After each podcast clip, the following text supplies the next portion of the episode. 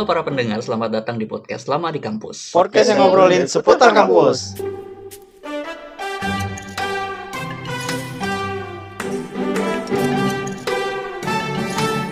Halo Paul. Halo, hai. Jadi para pendengar, untuk episode kali ini gue barengan Paul yang juga adalah member dari eh, podcast Lama di Kampus ini. Biasanya munculnya di segmen Bacot Center bareng-bareng itu. Tapi kali ini episode 5 gue mau ngebahas hal atau topik yang cuman Paul yang bisa bahas di antara kita semua, di antara para member ini. Yaitu adalah topik cerita horor di kampus. Jeng jeng jeng jeng. Iya iya iya iya iya. Tapi kayak rada agak berat gitu ya, kayak rada berat topik horor Paul gitu kan, agak gimana gitu ya bang ya. Iya, soalnya Iya. kalau kita kalau kita ngomongin horor, kayak kemarin deh biasanya di Twitter aja kalau ada video-video horor, kan kita langsung ngetek Paul ini gimana nih Paul gitu. Kita langsung Iya udah kayak paranormal online gitu ya. Teman-teman Jadi sekarang nggak bisa keluar rumah, nggak bisa ke mana-mana, tanya lewat online aja. Oke, boleh boleh. ngomongin ngomongin penampakan di kampus kan eh, kita selama kuliah dan berteman di selama S1 itu ya Hmm. banyak banget cerita yang lo ceritain lah dari mulai tahun pertama banget waktu itu maghrib-maghrib di kelas udah ada cerita tentang horor. Iya. Terus sebenarnya kenapa ya kok di kampus banyak penampakan gitu? Nggak nggak hanya kampus kita sebenarnya, banyak juga cerita di kampus-kampus lain kan.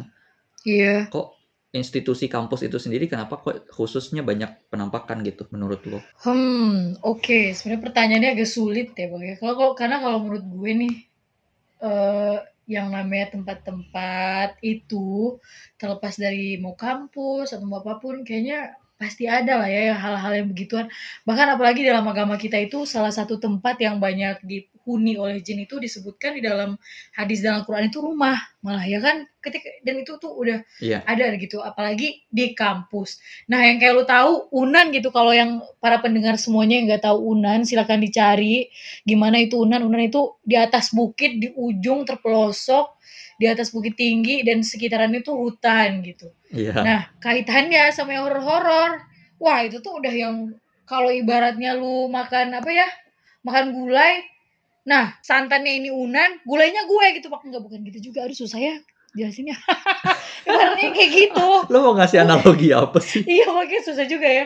Maksud gue tuh kayak gitu. Unan itu sama horor tuh udah kakak kakak adik kayak gitu. Dengan tempatnya yang kayak Oh, gitu. ibarat ibaratnya kalau kita Iya. ngomong unan dan ngomong horor itu kayak kita ngomong gulai sama daging gitu ya. Ah, segulai sama daging lah ya boleh lah. Kalau nggak pakai itu tuh jadi nggak enak kayak gitu. Iya, iya, iya. Kayak gitu oke. itu lah tapi ke mana-mana oke, ya, susah. analoginya gitu. Mm, susah ya Bray ya ya begitu nah jadi oh ya terus bagi para pendengar semuanya juga mungkin yang penasaran ini sebenarnya gue nggak mau juga disebut sebut wah oh, yang punya indra keenam yang bisa melihat dunia lain eh, atau Hmm. apa gitu enggak ini kebetulan ini nih nggak bisa disebut juga sebagai anugerah nggak bisa disebut juga sebagai apa-apa biasa aja gitu kebetulan ternyata ada satu kemungkinan Bisa bisa, lihat gitu ya. Hmm. ah, ya selain dari kita gitu ah ya begitu bang kalau nanya kenapa unan itu Jadi- bisa ya begitu tadi hmm, hmm. Oke, jadi kalau sebenarnya tidak hanya Unan, walaupun banyak kampus lain juga banyak cerita Hmm. penampakan, sebenarnya bukan hanya karena dia kampus ya, tapi karena ya emang jin itu ada di mana-mana gitu kan. ya. Iya, Atau setan yang bener. biasanya kita sebut setan ada di mana-mana. setan iya Mm-mm. Kalau analisis gue sih, kenapa sering muncul di kampus, di rumah walaupun ada tapi jarang muncul, karena rumah itu kan aktivitasnya nyaris 24 jam ada orang. Iya. Kalau kampus, sore ke malam itu udah minim banget orang walaupun Mhm, ada bener-bener. kegiatan. Jadi mereka lebih leluasa ber ini kali ya. Mereka lebih menganggap itu tempat mereka jadinya gitu kali kalau analisis gue. Iya mungkin juga benar yang kata lu bilang tadi kalau rumah kan Mm-mm. apa pun agamanya lah ya mungkin ada Iya. yang melakukan ibadah juga atau Iya. apa gitu jadi rumahnya rame lebih bersih karena tiap hari dibersihin dan segala macem tapi beda sama kampus kampus emang ada kegiatan tapi saking besarnya kampus itu nggak akan bisa diperhatikan semuanya gitu loh bang mungkin di sudut ini lu ngelihat wah ini kotor banget, ada yang ngapa-ngapain di situ, atau yang kayak lu bilang tadi kegiatannya sedikit, minim gitu ya. Jadi banyak kemungkinan buat mereka-mereka itu ya ikut nimbrung gitu. Ya udahlah tinggal di sini aja. Apalagi lu lihat aja Hmm. kampus kita, wah pohon-pohon besar aja semuanya itu. banyak banget Iya bener. hutan. Iya, buat buat para pendengar kalau nggak tahu Unan, tadi kan Paul udah bilang Unan itu di atas bukit. Jadi sejarahnya emang bukit itu dipotong tanda kutip di Hmm. di apa diambil lahannya khusus sebagian buat kampus. Jadi itu bukit bener-bener hutan yang dibikin khusus untuk jadi kampus. kampus gitu Jadi ya Wah, wajar aja kalau- gua. Iya, jadi wajar aja kalau ada yang keganggu gitu ya Paul ya. Hmm, iya bener. Ya kita aja sebagai manusia kali ya bang ya. Kalau kita kan Hmm. bedanya kita bisa nego lah gitu, bayar duit atau apa. Nah kalau ini kita nggak ngelihat siapa ya, kita juga nggak tahu, kita nggak bisa nyalahin manusianya juga ya kan. Kita yang Iya, hidup, benar. kita yang bisa ngelihat, ya udah kita ambil. Tapi ya dari dasarnya kalau kita belajar dari agama kita juga, yang gue tahu juga dari pandangan yang gue tahu nih, hmm, mereka itu tuh ya ada gitu. Emang selalu hidup berdampingan gitu ya sama kita. Iya, dari dulu kita hidup berdampingan sama mereka dan mungkin jumlahnya lebih banyak daripada kita. Bener-bener. Kalau kalau ngomongin di kampus kan eh, sekian banyak cerita penampakan tidak hanya di Unan Hmm. mau- maupun di kampus-kampus lain. Gue dengernya hanya sebatas orang mendengar atau melihat. Nggak pernah yang bener-bener kayak kontak fisik atau apa atau paling jauh paling kesurupan gitu ya. Iya, Sebenarnya iya, iya. Emang apakah mereka cuman bisa sejauh itu atau sejauh mana sih mereka bisa tanda kutip ngeganggu kita?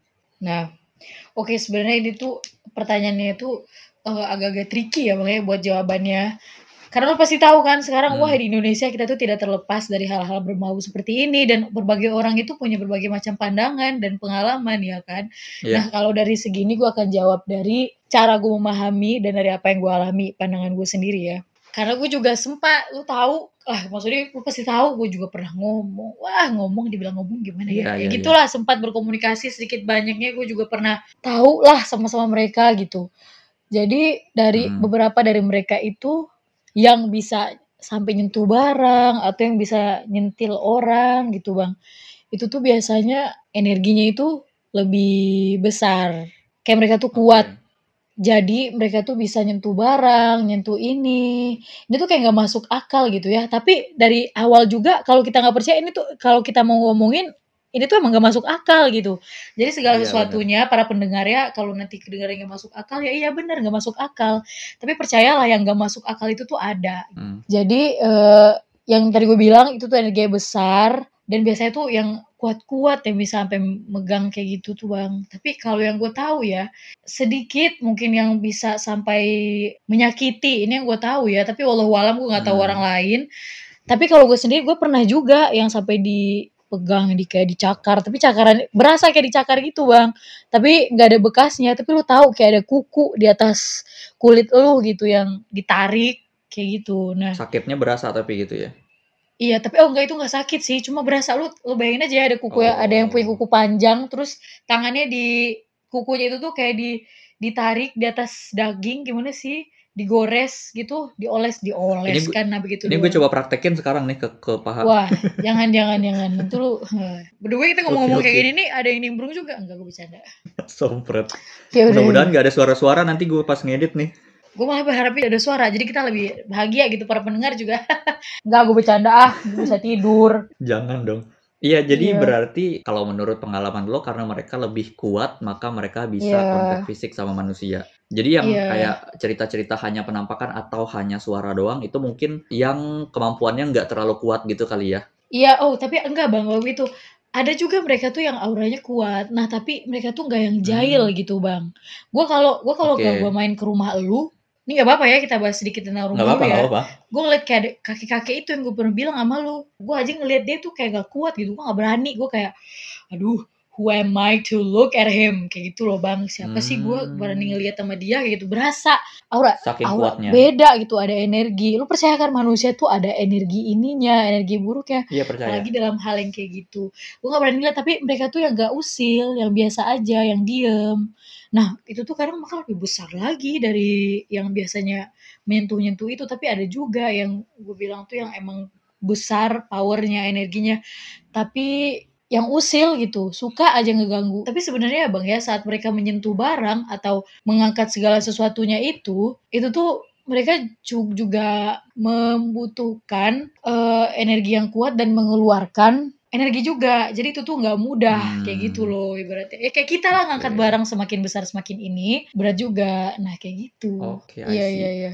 eee, sekarang gue pengen minta lo buat ceritain satu pengalaman yang pernah lo alami gitu. Kayak lo bicara tadi kan, eee, ngobrol sama hal Mhm. tersebut, gue gue hampir nyebut orang nih. Pernah ngobrol sama entitas tersebut gitu ya, Iya makhluk iya iya. tersebut. Duh gue jadi Eee, merinding, udah it lama gak cerita-cerita beginian, serius gue merinding. Ya udah, ini yang di kampus ya, kita lagi bahas di kampus, Iya, mungkin di kita kampus. bawa satu cerita di kampus yang kalau menurut gue tuh lumayan berkesan sih. Maksudnya Mhm. sampai sekarang gue tuh gue masih ingat, ini saking banyaknya gue dari kecil, tahu gue pernah cerita emang dari kecil yang begini-begini. Ini Iya. kebetulan buat para pendengar semuanya, terserah mau percaya apa enggak, tapi kan di sini kita mau sesi bercerita ya.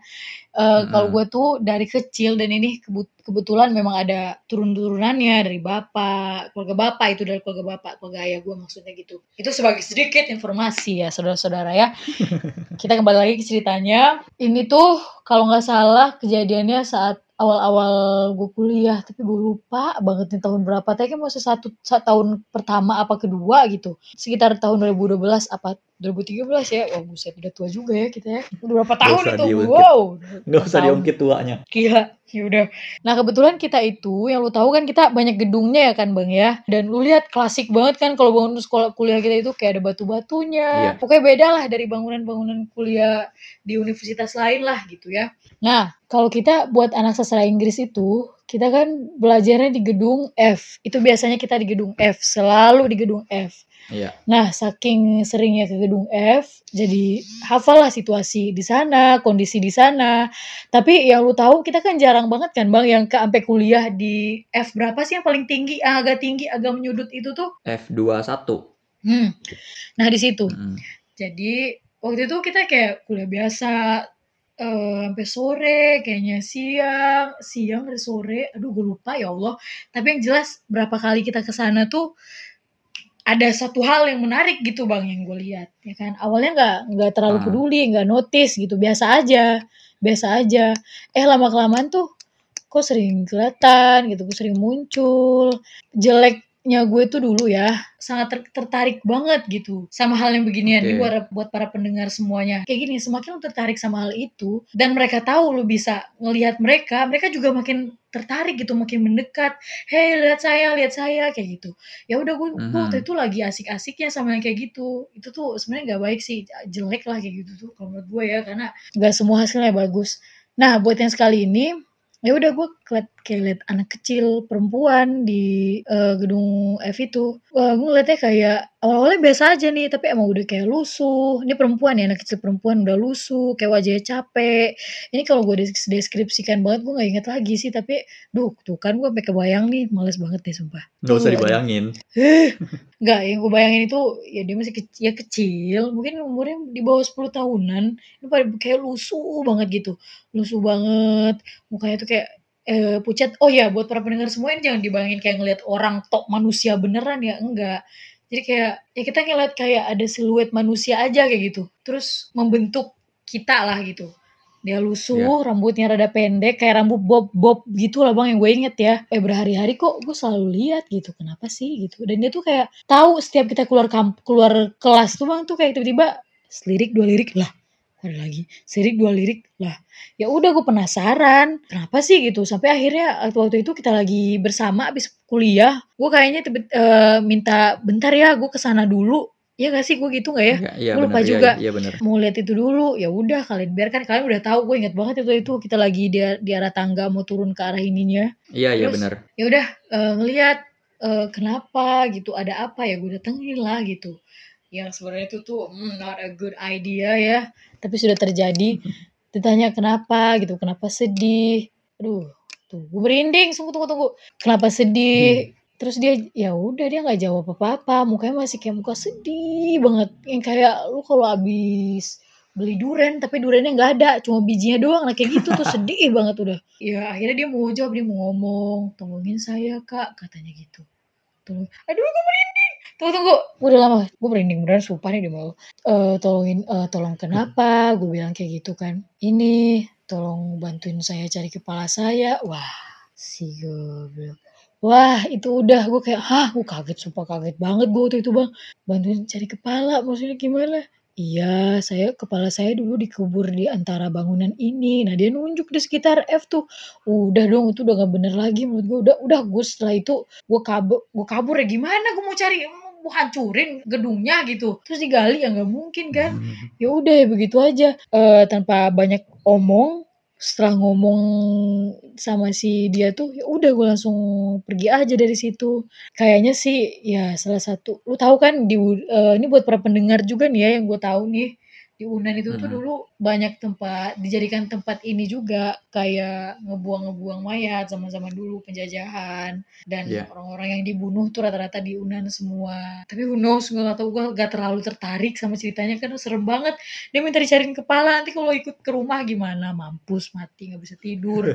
Wah ya udah gue nggak bisa ngomong apa-apa waktu itu, udah langsung turun deh udah, bye, bye deh, assalamualaikum, udah gitu doang. Semenjak saat itu kayak dia ini juga gue gue kayaknya nggak pernah ngelihat atau mungkin gue ngelihat tapi gue memilih untuk tidak peduli kayak gitu. Ya, itu Oke. salah satu cerita yang wah banget bang, di di kepala gue tuh masih, uh, gue Hmm. merinding banget nih cerita. Gue jadi penasaran Uh. dia nunjuknya itu exact-nya ke titik mana? Dia nggak nunjuk, tapi cuma ngomong Oh. berdiri di gedung itu gitu bang, di sini, di sini nih saya di Oh gedung dia ini oh dia nggak dikuburnya. nunjuk. Nah tapi yang gue inget tuh kalau nggak salah tuh deket-deket WC lah gitu bang. Oh, I see. Heeh heeh, di kamar mandi, Iya, kayak kamar mandi gitu. ujung. Iya iya, itu sih itu luar biasa Nah, banget lah. yang gue Mhm. baru tahu dari cerita ini, lo kan udah pernah cerita ini ya waktu itu. Yang gue baru Iya. tahu adalah ternyata lo udah ngelihat anak ini eh, beberapa hari jauh-jauh hari sebelum Iya. kejadian itu. Iya iya iya. Tapi kayaknya gue kayak gue kayak nggak peduli gitu bang, kayak bodo amat lah, ada apa sih Oh. gitu. Karena takut, ah lu nggak lihat aja bentukannya nih Iya kalau gue iya bisa iya. ngegambar udah gue gambar nih. Enggak Gak enggak. bisa Jangan ngegambar. jangan. Itu horor sih. Gue waktu tahu nggak yang yang gue rasain waktu nungguin lo ngobrol itu, lo Mhm. kan diem aja ya mepet ke satu mengarah ke satu arah Iya doang. iya benar. Gue kan ngelihat dari jauh gitu ya, mantau dari jauh. Itu gue juga Gila. ngeri-ngeri sedep gitu, lo tau nggak? Buset, ngeri-ngeri sedep gimana ngeri sedep? Iya, maksudnya mengetahui teman kita bisa melihat dan sedang melakukan ngobrol sama makhluk itu, itu tuh perasaannya aneh gimana gitu, tahu nggak? Iya iya iya Penasaran iya iya iya, iya. Takut Takut iya, juga gitu pengen ya. heeh. mm-mm, pengen ikut iya, pengen gitu. Iya sih. Nah, Terus? eh, kalau untuk yang kayak tadi ya anak kecil itu, meskipun memang di Unan itu ada kejadian-kejadian gitu, ada orang buang bayi kali dulu, ada orang buang Hmm, mayat kali iya. dulu. Eh, tapi sebenarnya yang muncul itu kalau dari keyakinan Islam, keyakinan kita kan itu bukan arwah ya. Hmm. Itu eh, most likely adalah jin jail Bener. yang menirukan gitu kan Menyerupai. wujud.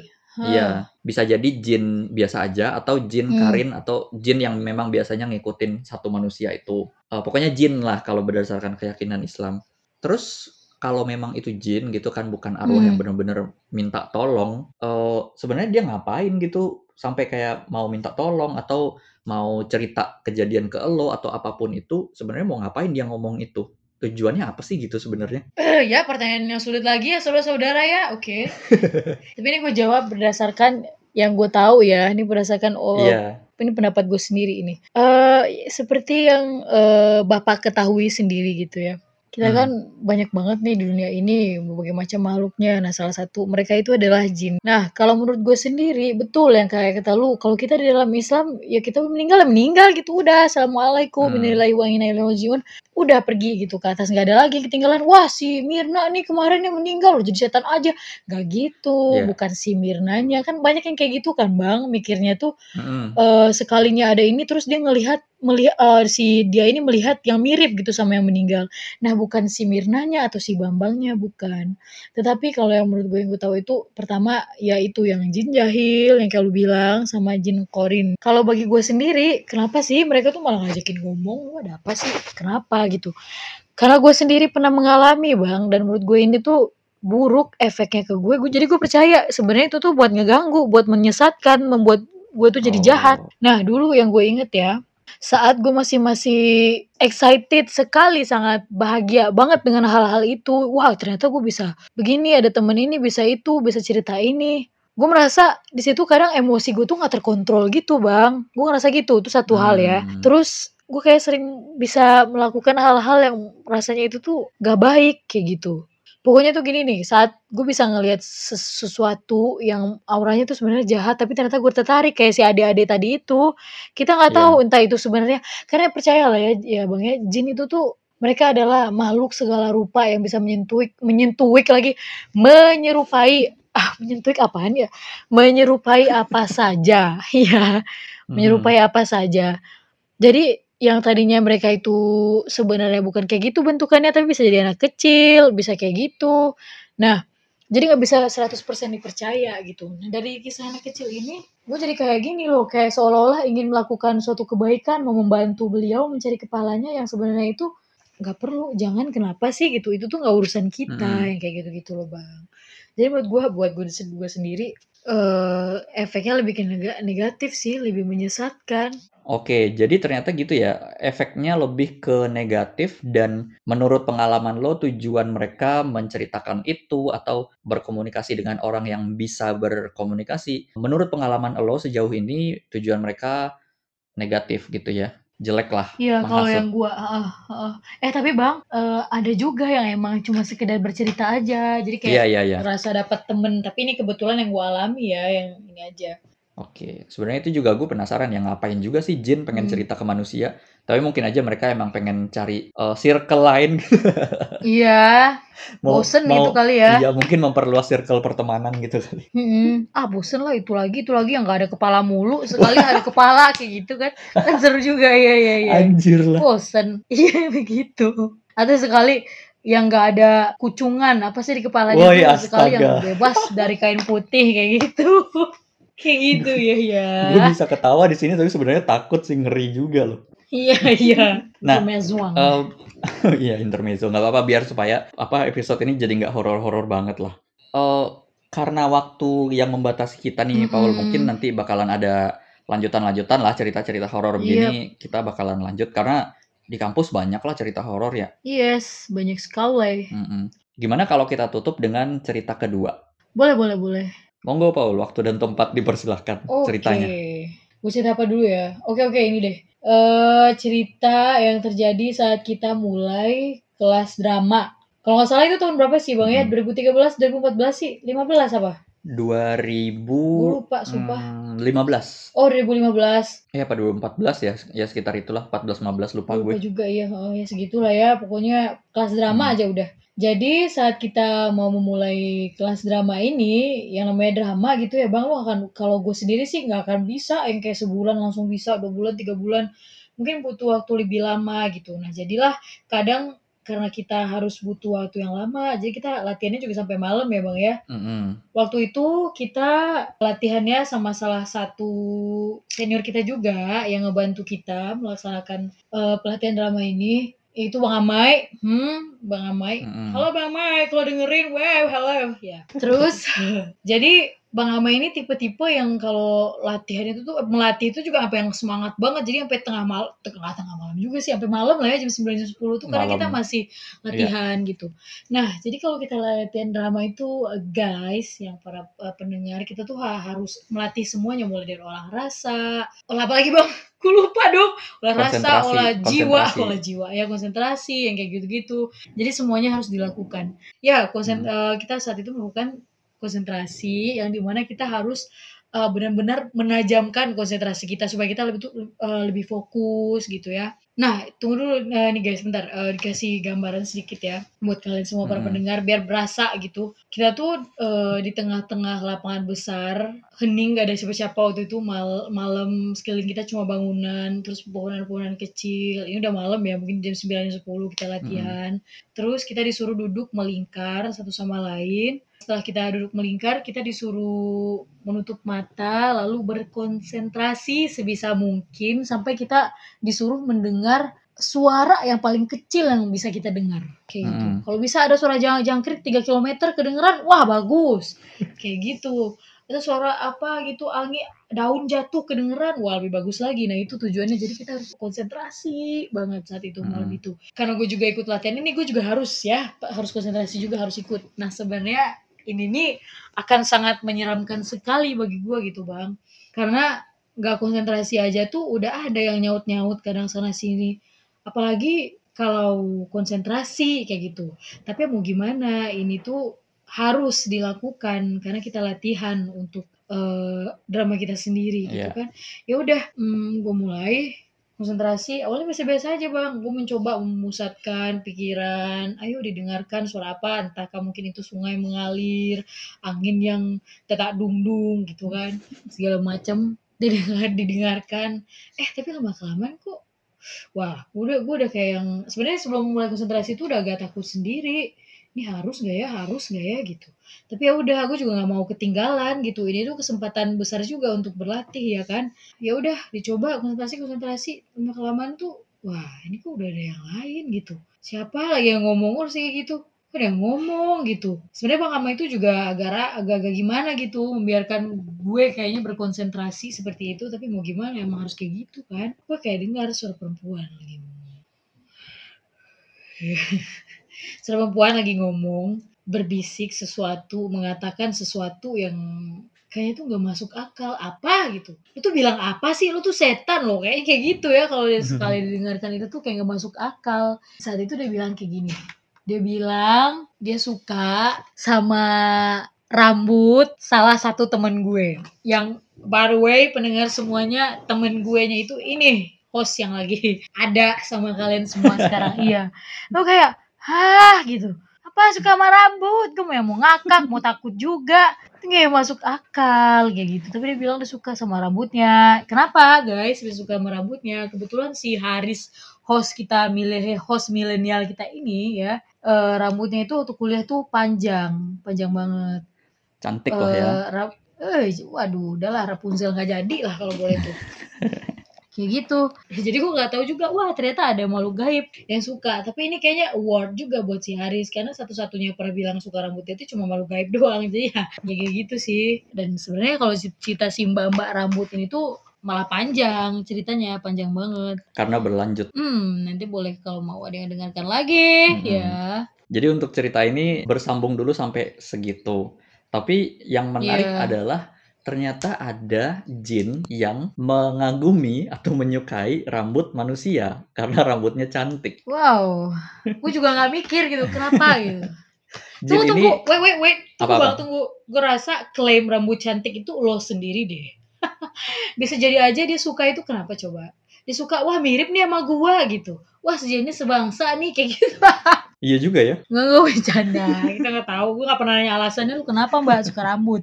Nggak tahu. Iya ya, rambut mereka kan sering kusut ya. Mungkin karena rambut gue juga kusut dan tidak dikeramas gitu ya. Nah, bisa jadi. Lo hati-hati lo. Anjir. Gitu. Kalau kalau manusia sesama manusia mengadornya, aduh rambutnya gila, mengkilat banget, gue pengen punya. Kalau Iya. di mereka karena mereka normalnya mereka rambutnya kusut, maka mereka mengidolakan yang juga kusut gitu ya.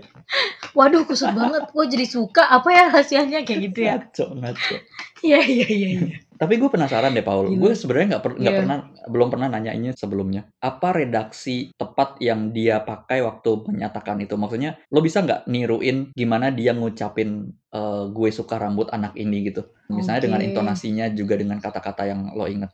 Wah kalau intonasi mirip sih nggak bisa nggak tahu lah ya. Ini gue yang gue inget aja nih bang. Ini Hmm. vaguely sedikit mengingat gitu. Mungkin kalau dibilang langsung bagus ya rambutnya nggak kayak gitu tadi bilang. Rambutnya katanya gitu. Rambutnya. Aduh! Udah bayangin aja ya guys ya. Nggak apa-apa horor sendiri aja udah. Rambutnya saya suka. Oh fuck. Duh, dia nggak bilang saya suka rambutnya. Wow, pakai sunshine Kayak gitu juga. Eh sunshine, sunlight, eh sunlight. Apa sih? Sunshine. Sorry guys. Gila, sunshine, sunlight, sunsilk. Iya, iya. Yang Rambutnya, yang sampoan gitu. pakai sunlight itu SpongeBob tuh. Iya sih. Oh iya bener ya. Iya gitu rambutnya, rambutnya. Tapi lo bisa tahu eh, dia merujuk ke rambut gue karena dia berdiri di belakang gue kan waktu itu ya. Iya, Bang lu percaya atau enggak? Jadi tangan yang tidak ada dan tiada itu tuh kayak seolah menunjuk gitu. Oh, gue gue barusan mengira tangannya itu nyentuh rambut gue enggak kan? Enggak kan? Enggak, enggak, enggak, enggak. enggak. kan? Anjir horor juga. Iya, ya, kenapa nggak disentuh juga ya waktu itu Iya, disentuh. Lo bayangin bayangin kan kayak misalnya orang tua ngebelai rambut anaknya atau ngambil rambut anaknya terus di Hmm. dimain-mainin gitu. Wah, Uh, Itu mungkin pas sampai. lu lagi tidur sih bisa jadi gue gak tahu. Woi. Bisa jadi tuh kalau pas lu tidur. Jadi cara ya gue juga selama ini membayangkan memang dia ngucapinnya dengan nada atau intonasi yang datar sih. Nggak Iya, iya, mungkin, bener. nggak mungkin dia excited. Ya iya, lu kira ngapain jual ini, jual cilok.